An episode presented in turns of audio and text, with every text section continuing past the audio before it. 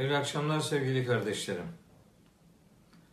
Bu akşam sizlere dün akşam duyurduğum üzere Kur'an ve namaz konusunu ana hatlarıyla aktarmaya gayret edeceğim inşallah.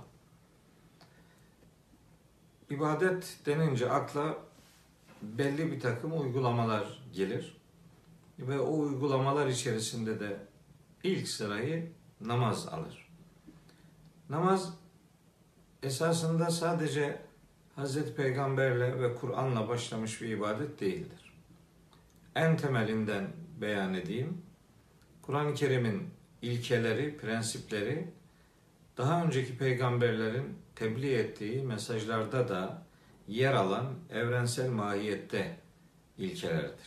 O itibarla herhangi bir ibadet bizim peygamberimizle başladı gibi böyle insanlık tarihi kadar eski olan uygulamaları belli bir dönemden itibaren başlatmak doğru bir bakış yansıtmaz.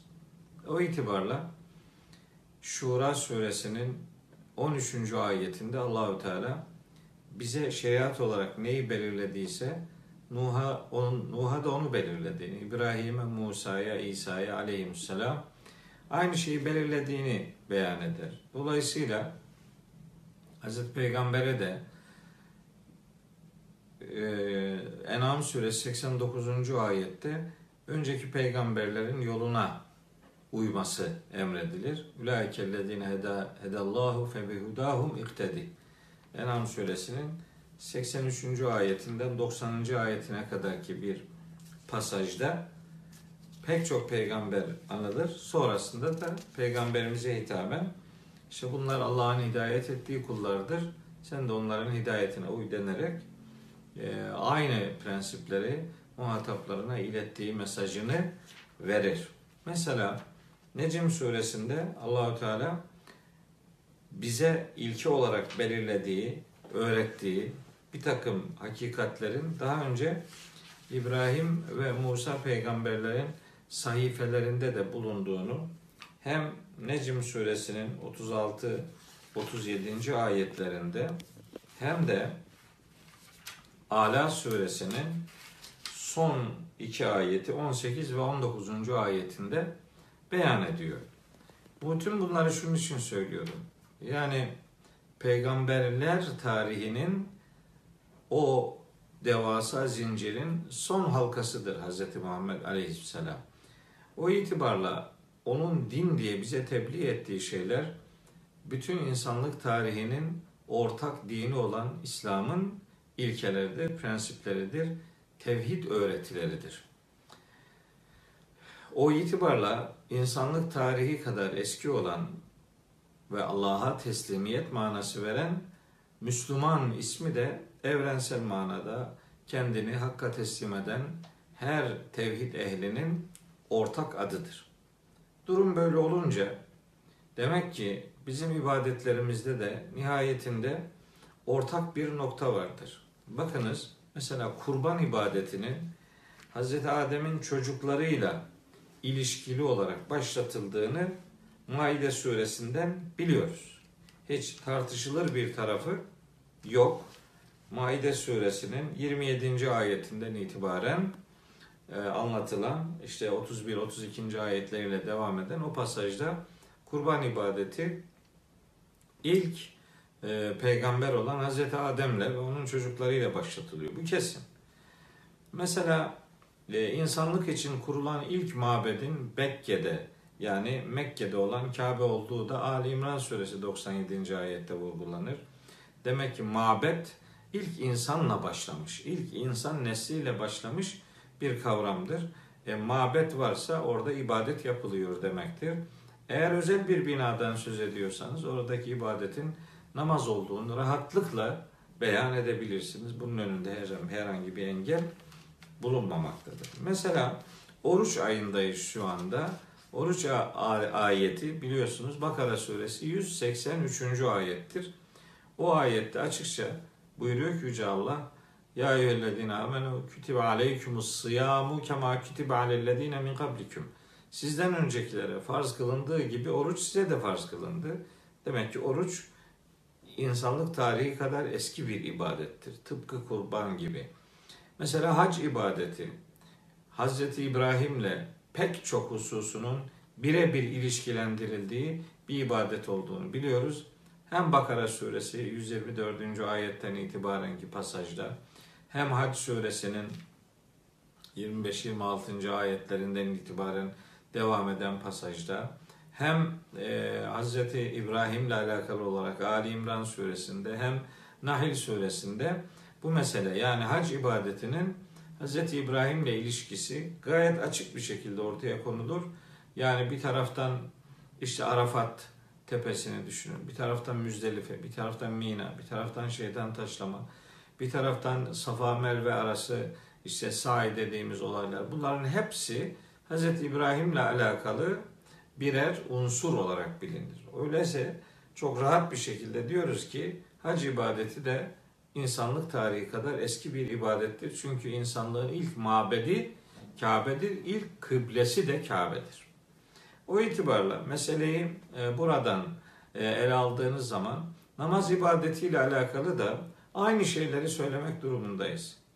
Yani namaz ibadeti de önceki peygamberlerin öğretilerinde kesin bir şekilde vardı. Çok kesin. E, o kadar kesin ki mesela İsrailoğullarından Allahu Teala'nın aldığını söylediği sözle alakalı Bakara suresi 83. ayette şöyle o alınan sözün ana başlıkları verilir. İşte orada bir takım hususlar var. Ve izahadna mitaka beni İsrail'e la ta'budune illallah ve bil valideyni ihsanen ve zil kurba vel yetama vel mesakin ve kulu lin nasi husnen ve akimus salate ve atuz zekate. Namazı kılacaksınız ve zekatı vereceksiniz. Kimden alınmış bu söz? İsrailoğullarından. Dolayısıyla demek ki namaz ve zekat İsrailoğullarının bütün peygamberlerinin tebliğ ettiği dini ilkeler içerisinde çok önemli bir yer tutmaktadır. Hani dahasını söyleyeyim. Mesela daha öncesinden Hazreti İsmail ile alakalı bir beyanı size hatırlatayım. Meryem suresinde Hazreti İsmail ile alakalı Allahu Teala buyuruyor ki Meryem suresinde Hazreti İsmail'in e, Resul ve Nebi olduğu beyan ediliyor ve orada surenin 55. ayeti Meryem suresi 55. ayette ve kâne ye'muru ehlehu bis salati ve zekati. Yani İsmail peygamber inanç ailesine salatı ve zekatı emrediyordu. Yani salat, salat genel manada tevhid içerikli her bir eylem demektir. Yani adresi Allah rızası olan her bir tevhid eylemine salat denilir ki Allah'tan yanalık manasını verir. Allah'ın davasına destek olmak manasını verir. Ancak diğer ibadetlerle bir arada zikredildiği zaman bu genel tevhid içerikli eylemin özel manada namaz anlamını verdiğini rahatlıkla söyleyebiliriz. İşte bu Meryem suresi 55. ayet Hz. İsmail ve namaz, zekat ibadetlerinin beraber anıldığını gösteren çok önemli bir delildir. Bir şey daha ifade edeyim. Hud suresinde namaz yani yine tevhid eylemi, salat kelimesi geçiyor. Biz onun e, tevhid içerikli eylemlerin başında gelen olması itibariyle namazı hani bir alt başlık olarak veriyoruz. Hud suresinin 87. ayetinde Hazreti Şuayb'a o Medyen ahalisi diyorlar ki Kalu ya Şuaybu esalatuke te'muruke en netruke ma ya'budu abauna. Yani atalarımızın kulluk yaptığı şeyleri terk etmemizi sana emreden şey salatın mı? Yani tevhid eylemlerin mi? Yani muvahhidlik ve faaliyetlerin mi? Ki bunun içerisinde biz namazı belli başlı bir yerde ibadet olarak görüyoruz. İşte bunu da Hz. Şuayb ve namaz ilişkisi noktasında rahatlıkla beyan edebiliriz. Mesela Hz. İsa boyutu da var. Yani Hz. İsa e, Beşik'te konuşuyor e, olayının anlatıldığı o Meryem suresinde Allahu Teala'nın verdiği beyana göre Hz. İsa diyor ki Kale inni Abdullah. İşte ben Allah'ın kuluyum. Meryem suresi 30. ayet. Ataniyel kitabe Allah bana kitap verdi. Ve cealeni nebiyya ve beni nebi peygamber kıldı. Ve cealeni mübareken eynema küntü. İşte her nerede bulunursam beni değerli, kıymetli kıldı.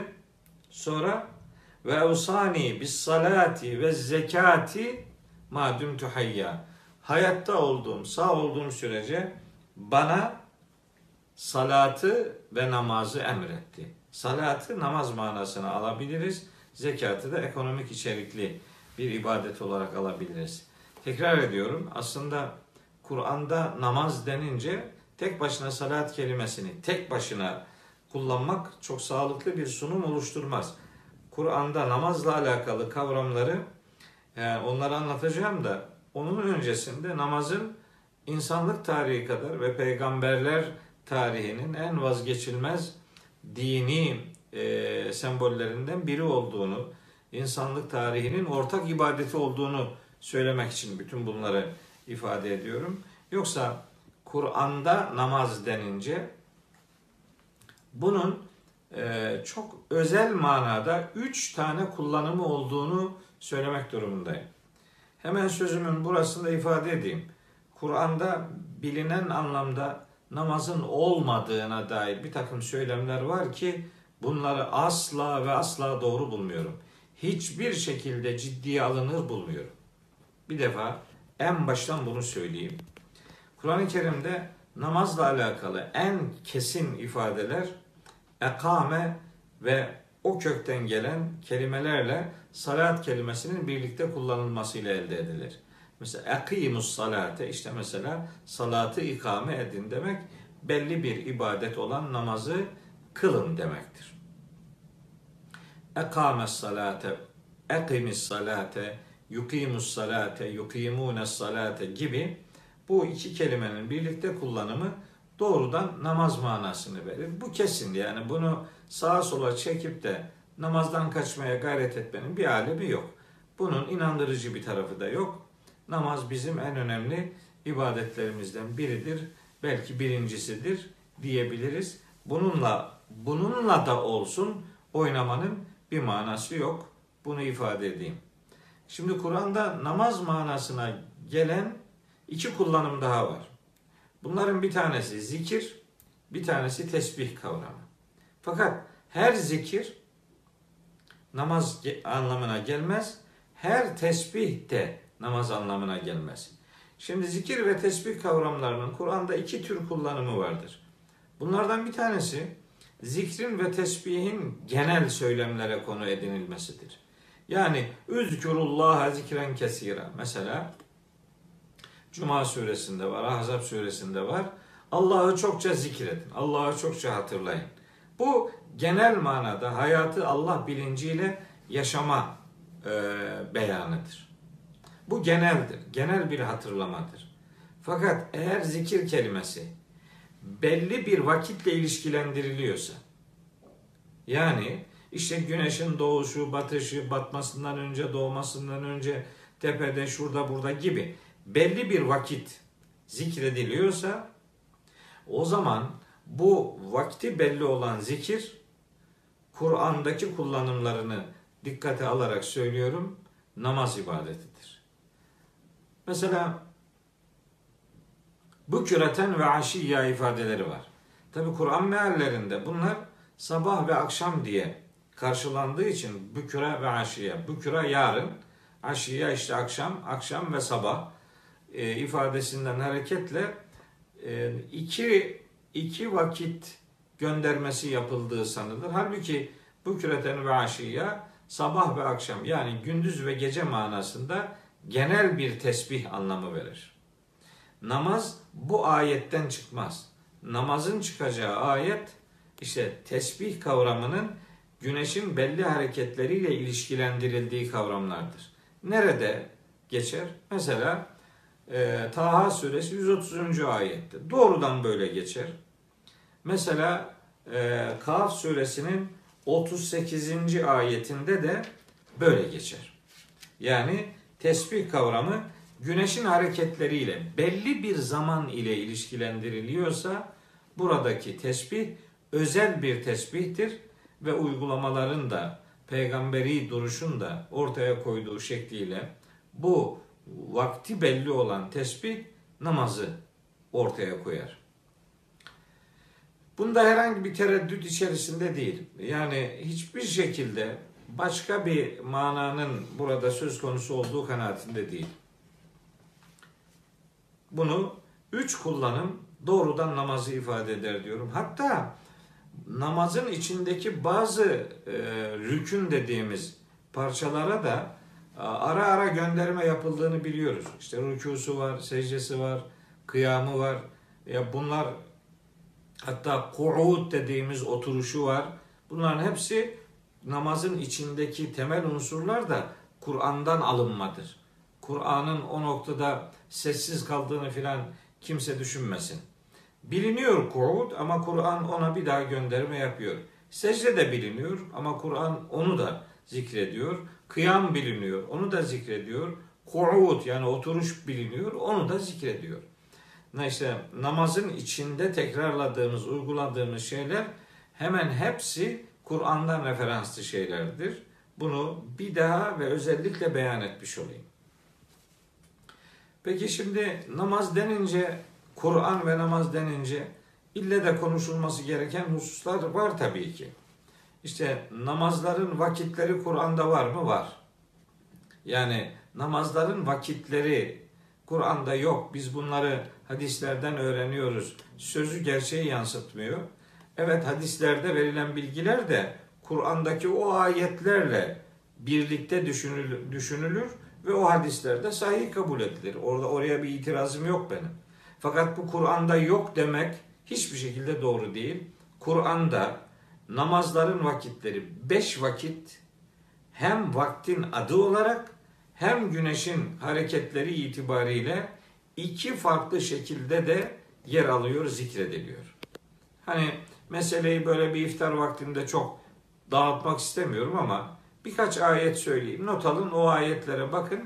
Fakat meallerde bazen bu hakikatler arzu edilen düzeyde bir incelikle e, tercüme edilmediği için adam meale bakarak bundan bu anlaşılmıyor deyip namazda, Kur'an'da namaz vakitleri yoktur diyenlerden tutun, Kur'an'da namaz vakitleri üçtür diyenlere, hatta namaz vakitleri ikidir diyenlere bile rastlıyoruz. Hani bir yarış gibi beş değil üçtür, üç değil ikidir. Yok aslında namazın kendisi bile yoktur.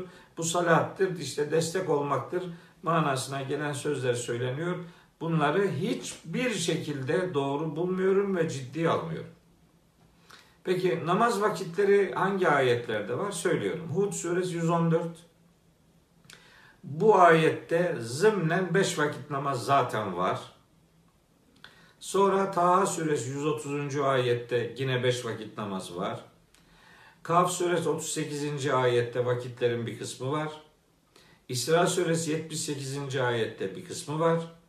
Bakara suresi 240. Ay 209. ayette bir tanesi var.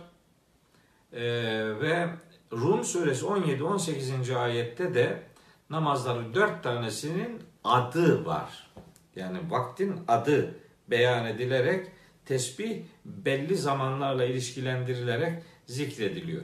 Peki durum bu olmasına rağmen işte biz bunu hadislerden öğreniyoruz demek nedir? Aslında Kur'an'ı devre dışı bırakmaktır. Kur'an'dan baktığınız zaman bu sorunun cevabı belli, var.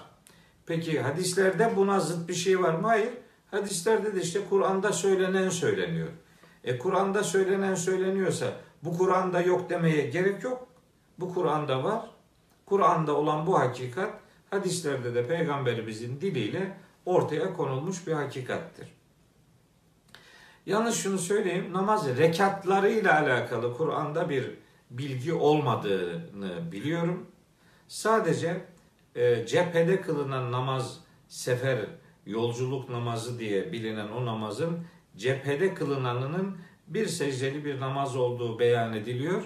O hani çok sıra dışı bir e, uygulama olduğu için ona dair bir detay Nisa suresi 103. 103. ayette verilir. Bunun dışındaki diğer vakitlerin e, rekat sayılarını peygamberimizin uygulamasıyla görüyoruz. Bunun Kur'an'a aykırı bir tarafı yok. Herhangi bir ayetle çelişen bir tarafı yok. Kaldı ki ben bunun çok daha eskilerden beri devam ede gelen Arabistan coğrafyasında da namaz olarak uygulanan vakitlerinden hatta abdestine varıncaya kadar dönem itibariyle bilinen, uygulanan bir hakikat olduğunu e, söylüyorum. Bununla beraber Kur'an-ı Kerim'de de zaten abdest ayeti var. Maide suresinin 6. ayeti abdest ayeti olarak bilinir. O ayetin Maide suresinden daha önce indirildiğini kabul edenler olduğu gibi Müddessir suresinde e, ve rucze fehcur ve siyabeke fetahhir ayetlerinin genel manada temizliği örnek olarak bize emreden ayetler olması itibariyle vahyin daha ilk dönemlerinden itibaren Müslümanların temiz olma noktasında uyarıldıkları ve onların da temiz bir şekilde hayatlarını sürdürdükleri e, gayet net bir şekilde anlaşılıyor. Abdest Maide suresinin 6. ayetinde ve Risaletin sonunda geldi diye daha önceki dönemlerde millet abdestsiz mi kılıyordu gibi bir takım çıkarımlar doğru değil. Müddessir suresinin hemen başındaki genel temizlik ayetleri nihayetinde vücut temizliğini, elbise temizliğini e, ortaya koyduğu için oradan bir abdest e, sonucu elde etmemizin önünde bir sakınca yok. Herhangi bir engel de yok. Şimdi işin teknik tarafları bunlar. Ben biraz yani namazı daha farklı konuşmak gerektiği kanaatindeyim. Yani namazın vakti önemlidir elbette. Fakat vakti vazgeçilmez değildir. Eğer vaktin ne zaman olduğunu bilmiyorsanız, eğer güneşin hareketleriyle kestiremiyorsanız, işte saatin olmadığı dönemler veya coğrafyaları düşünün. Eğer vakit elde edilemiyorsa namazdan vazgeçemezsiniz. Namazı yine kılacaksınız. Tahminen bir zihin çalışması yapacak, gene kılacaksınız. Kıble namaz için çok önemlidir elbette. Ama kıbleyi bilmiyorsanız namazdan vazgeçemezsiniz. Namazı gene muhtemelen kıble şu tarafadır deyip namazı kılacaksınız. Yani abdest almaya imkanınız yok. Namaz için abdest vazgeçilmez bir prensiptir. Ama abdest alamıyorsanız eğer, su yoksa, imkan yoksa, sağlığınız el vermiyor, abdest organlarınız yaralıysa, su oraya dokundurulamıyorsa, teyemmüm yaparsınız. Teyemmüme imkanınız yoksa bile yine zihnen kendinizi arındırılmış bir duyguyla şeklini yerine getiremiyor olsanız bile yani sadece kafa hareketleriyle, sadece göz hareketleriyle bile olsa namaz ibadetiyle bir Müslümanın ilişkisini sürdürmesi gerekir. Şimdi namaz bir ibadet olması itibariyle sonuçları da olan bir ibadettir. Yani Kur'an-ı Kerim'de Ankebut suresi 45. ayette namazın insanları kötülüklerden alıkoyacağı vaat ediliyor, beyan ediliyor ve namazın içinde Allah'ı hatırlamanın önemine gönderme yapılıyor. E böyle olmasına rağmen yani toplumda namaz kılanlarla ilgili çok e, sıkıntılı görüntüler var. Yani hem namaz hem yalan, hem namaz hem faiz, hem yalan hem namaz hem zina, hem namaz hem yalan, hem namaz hem iftira, hem namaz hem faiz, e, ne bileyim dedikodu, aklınıza ne geliyorsa. Namaz onlardan insanları uzaklaştıramıyorsa bunun sorumlusu namaz değildir. Namazı doğru dürüst kılmayanlardır. Çünkü namaz aslında Allah'la yapılan sözleşmenin adıdır. Namaz Cenab-ı Hakk'ın çağrısına kulak vermektir. Namaz Allah'ın karşısında bir esas duruş ortaya koymaktır. Namaz Cenab-ı Hak'la buluşmanın adıdır. Namaz alnınızı secdeye koyarken bedeninizin alçaldığı o durumda ruhunuzun yükseldiğini hissettiğiniz bir yükseliştir, miraçtır yani. Peygamberimizin namaz müminin miracıdır. Salat diyor orada. E, tevhid içerikli her bir eylem mümini yükselten bir değerdir. Oradan hareketle namazı da o bağlamda düşünürüz. Dolayısıyla şeklen alçalma olsa da ruhen bir yükselmedir. Nihayetinde Rabbimizin davetine icabettir. Nihayetinde secdede Allah'la baş başa kalmanın bir huzurudur. Ve namaz aslında aşığın maşukla buluştuğu bir buluşma zamanıdır. Kişi namaz kılacağı zamanı iple çekmelidir. Namaz kılayım da yükü üzerimden kalksın mantığıyla kılınan namaz sahibini kötülüklerden alıkoymaya yetişmez.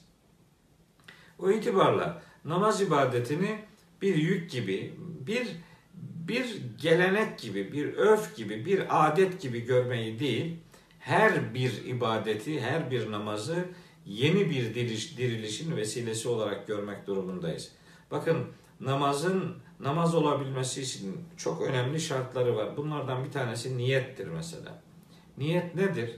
Niyet bir ibadeti neden yaptığının bil, bilindiğini ortaya koymaktır. Yani bir bilinçli hareket ortaya koymanın göstergesidir niyet. Oruçta da niyet esastır. Öyle Ramazan'ın en başında niyet edip 30 güne bir de niyet ettim demekle niyet olmaz.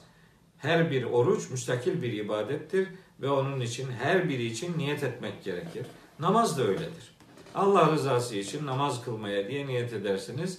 Farz namazların vaktini bildirmek esastır. O vaktin namazını kılıyorsanız onu bildiğinizi ortaya koyacaksınız. Diğer nafile namazlara herhangi bir vakit göndermesi yapma şartı yoktur. Allah rızası için diye niyet edilir. Hatta bunları kelimelere dökmeye bile gerek yoktur. Kalkıp Allah rızası için namaz kılıyor olmanız e, başlı başına bir niyet görüntüsüdür diye ifade edeyim. Bu arada e, namazla ilgili çok önemsediğim bir şeyi daha e, söyleme arzusundayım. E, ruhun yükselmesi manasına geldiği için namazın esasında e, günde beş vakit olması itibariyle hayatı Allah'ın şahitliğinde yaşamayı öğretir namaz. Şimdi düşünün beş vakit namazın kıldığımız rekatlarını toplarsanız hepsini toplam kılma zamanınız yarım saattir yani. Nihayetinde yarım saatlik bir iş. Bu yarım saati 24 saatin içinde bir anda yarım saat olarak değerlendirmek imkanı varken bunun günün 24 saatine, sabahına, öğlesine, ikindisine, akşamına ve yatsısına bunun e, dağıtılmasının önemli bir sebebi var. O da hayatın, gündüzün ve gecenin bütün meşguliyetlerin içerisinde her bir vakit ile o vaktin e, sonrasında gelecek vakit arasında Allah'ın azabını, gazabını kazanacak bir şey yapmamaya söz veriştir. Yani günde beş vakit Allah'ın huzuruna çıkıyoruz ve Cenab-ı Hakk'a kul olacağımız sözünü yineliyoruz. Ve namazları böyle geçmişi sıfırlayan faaliyetler olarak değil, geleceği programlayan faaliyetler olarak görmek. Yani iki vakit arasında Allah'ın rızasını kazanma duruşu olarak namazı görmek lazım. Geçmişi sıfırladık oldu bitti değil, geleceği planlayarak Rabbimizin e, rızasını kazanma kararlılığını ve onun azabına, gazabına uğramama gayretini ortaya koyar. Bu bir duruştur, bu bir söz veriştir. Biz bu duruşu ve söz verişi kemaliyle yerine getirme noktasında günün her anını Allah bilinciyle yaşama duyarlılığını verir bize. Namazda günü, günde bunu beş defa tazeleyerek Allah'ı unutmamamızı sağlayan önemli bir ibadettir. İşin burası bu kadar net iken maksadı da Allah'ın emrini yerine getirmek. Bu arada insanlarla ilişkimizde fuhuş, çirkinlik, azgınlık dediğimiz kötülüklerden bizi uzaklaştırmayı vaat eder namaz. Ankebut 45 bunu söyler. Peki bir adam hem namaz kılıyor hem de ilgili kötülükleri yapıyorsa ne var burada? Burada olan bellidir. Yani namaz Allah'ın istediği gibi kılınıyor değildir. Allah'ın istediği gibi kılınan namazın sonuçları bellidir. Namaz vardır adamı arşa yükseltir. Namaz vardır adamı yerin dibine batırır. Mesela gösteriş için kılınan namazlar sahibini perişan eder. Allah rızası için onun huzurunda eğilmenin derin mutluluğunu yaşamaktır namaz. Namazın biz namazı kıldığımız kadar namazın da bizi kılmasını sağlamak için uğraşmalıyız. Namazın bizi kılması demek yani namazda Allah'ı hatırladığımız gibi namazın sonrasında da hayatı Allah'ı hatırlama bilinciyle yaşama duyarlılığını ortaya koyarız. İşte bu namazın bizi kılmasıdır. Yani namaz başka o başka. Namaz başka şu başka. Böyle bir ayrım hiçbir şekilde doğru değildir. Namaz varsa kemaliyle biz diğer yanlışlıkları yapmaktan uzaklaşmak durumundayız. Namazın vaadi budur. Allah'ın beklediği bu ibadetten, bizim ibadetimizden Rabbimizin bize yönelik beklediği sonuç nihayetinde budur. Şimdi çok e, hatırlatılan bir şey var. İşte hocam namaz kılarken işte aklıma bir sürü bir şeyler geliyor filan. Bir defa namazda insanın aklına başka şeylerin gelmemesi için namazı niye kıldığını bilmelidir. Namazda okuduklarının anlamını bilmelidir. Namazda okuduğunun anlamını bilir. Okuduğunu, metnini tekrarlarken manasını da zihninden geçirirse bir adam başka şeyleri düşünmeye fırsatı olmaz. Bir, kimin huzurunda bilecek, olduğunu bilecek. İki, ne için namaz kıldığını bilecek. Çünkü namaz nihayetinde peygamberler tarihi kadar insanlık tarihinin en başından şu güne kadar ki en duyarlı ibadetini yapanların arasına katılmaktır. Yani namaz insanlık tarihiyle ve peygamberler tarihiyle buluşmaktır. Onun için o koronun içinde yer almaktır. O koronun içerisinde o harmoniye katılmaktır. O harmoniye çatlak ses çıkarmadığımızı göstermek çabasıdır namaz. O itibarla çok çok önemli bir duruştur. Ve her namaz sahibinin imanının şahididir. Biz her ibadeti bir şahitlik olarak yapar, her ibadeti imanımıza şahit tutarız. Namaz kıldığımız yerler şahidimiz olacak. Namaz kıldığımız organlarımız şahidimiz olacak. Namazda okuduklarımız şahidimiz olacak. Öyleyse namaz bir şahitlik kurumudur. Namazı her şeyi bize şahit kılacak şekilde duyarlı bir eyleme, bütüncül bir faaliyete dönüştürme mecburiyetindeyiz. Aklıma fazla şeyler geliyor diyor adamlar. Bunlardan kurtulmak için dediğim gibi bir, kimin huzurundayız bunu bilelim.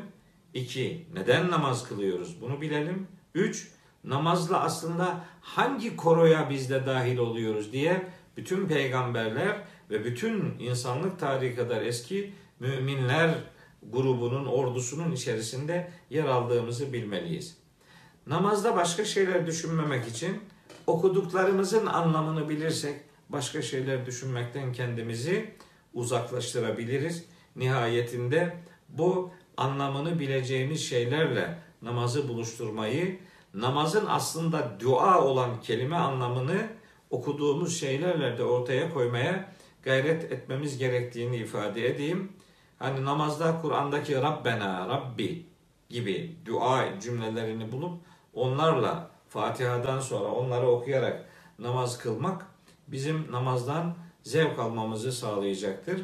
Peygamberimizin ifadesiyle sallu kema ra'eytumuni usalli ben nasıl kılıyorsam siz de öyle ibadetinizi yapın dediği için biz de namazda o uygulamaları harfiyen yerine getirmeye gayret edeceğiz. Namazla alakalı bir şey daha söyleyip bitiriyorum. Ee, çok uzun tutmak da istemiyorum. Ee, namazda başka şeyleri hatırlamamanın önemli yollarından bir tanesini söyleyeyim size. Kıldığınız her bir namazı Rabbim belki de bu namazımı kabul edecek duygusuyla kılarsanız namazda aklınıza başka şeyler gelmez. Unutmayın. Siz eğer namazda kendinizi Allah'a veremiyorsanız neler düşündüğünüzü Allah'ın bildiğini unutmayın. Allah'ın huzurunda başkalarını düşünerek namaza durmak her şeyi bilenin huzurunda onun layık olduğu duruşu ortaya koyamamak demektir. Allahu Teala bizim bakışımızdaki niyetimizi bildiği gibi yüreğimizde sakladığımız her şeyi de bildiğini bize Kur'an'da haber veriyor. Öyleyse belki de kabul olacak namazın budur diyerek namaz kılmaya gayret etmek önemli bir duyarlılıktır. Ve nihayetinde kılmakta olduğunuz beş vakit namazın her bir vaktinin kılacağınız son namaz olduğunu düşünerek o namazı kılar. Yani bir sonraki vakte kadar ömrünüzün vefa etmeyebileceğini düşünerek belki de son namazım budur diye namaz kılarsanız namazda başka şeyleri hatırınıza getirmekten büyük oranda kurtulursunuz. Diyorum bu vesileyle namaz ibadeti hakkında söylemlerimi böyle insanlık tarihi ve ibadet algısıyla sonuçları itibariyle namaz ve onun bize kazandırmayı vaat ettiği değerler noktasında sözlerimi bu kadarla yetinmek ve toparlamak istiyorum. Hepinize Allah'ın huzurunda duyarlı namaz kılan insanlar olma noktasındaki dua ve niyazımı yineliyor. Hepinizi makbul ibadetlerin sahipleri olarak Allah'a emanet ediyorum.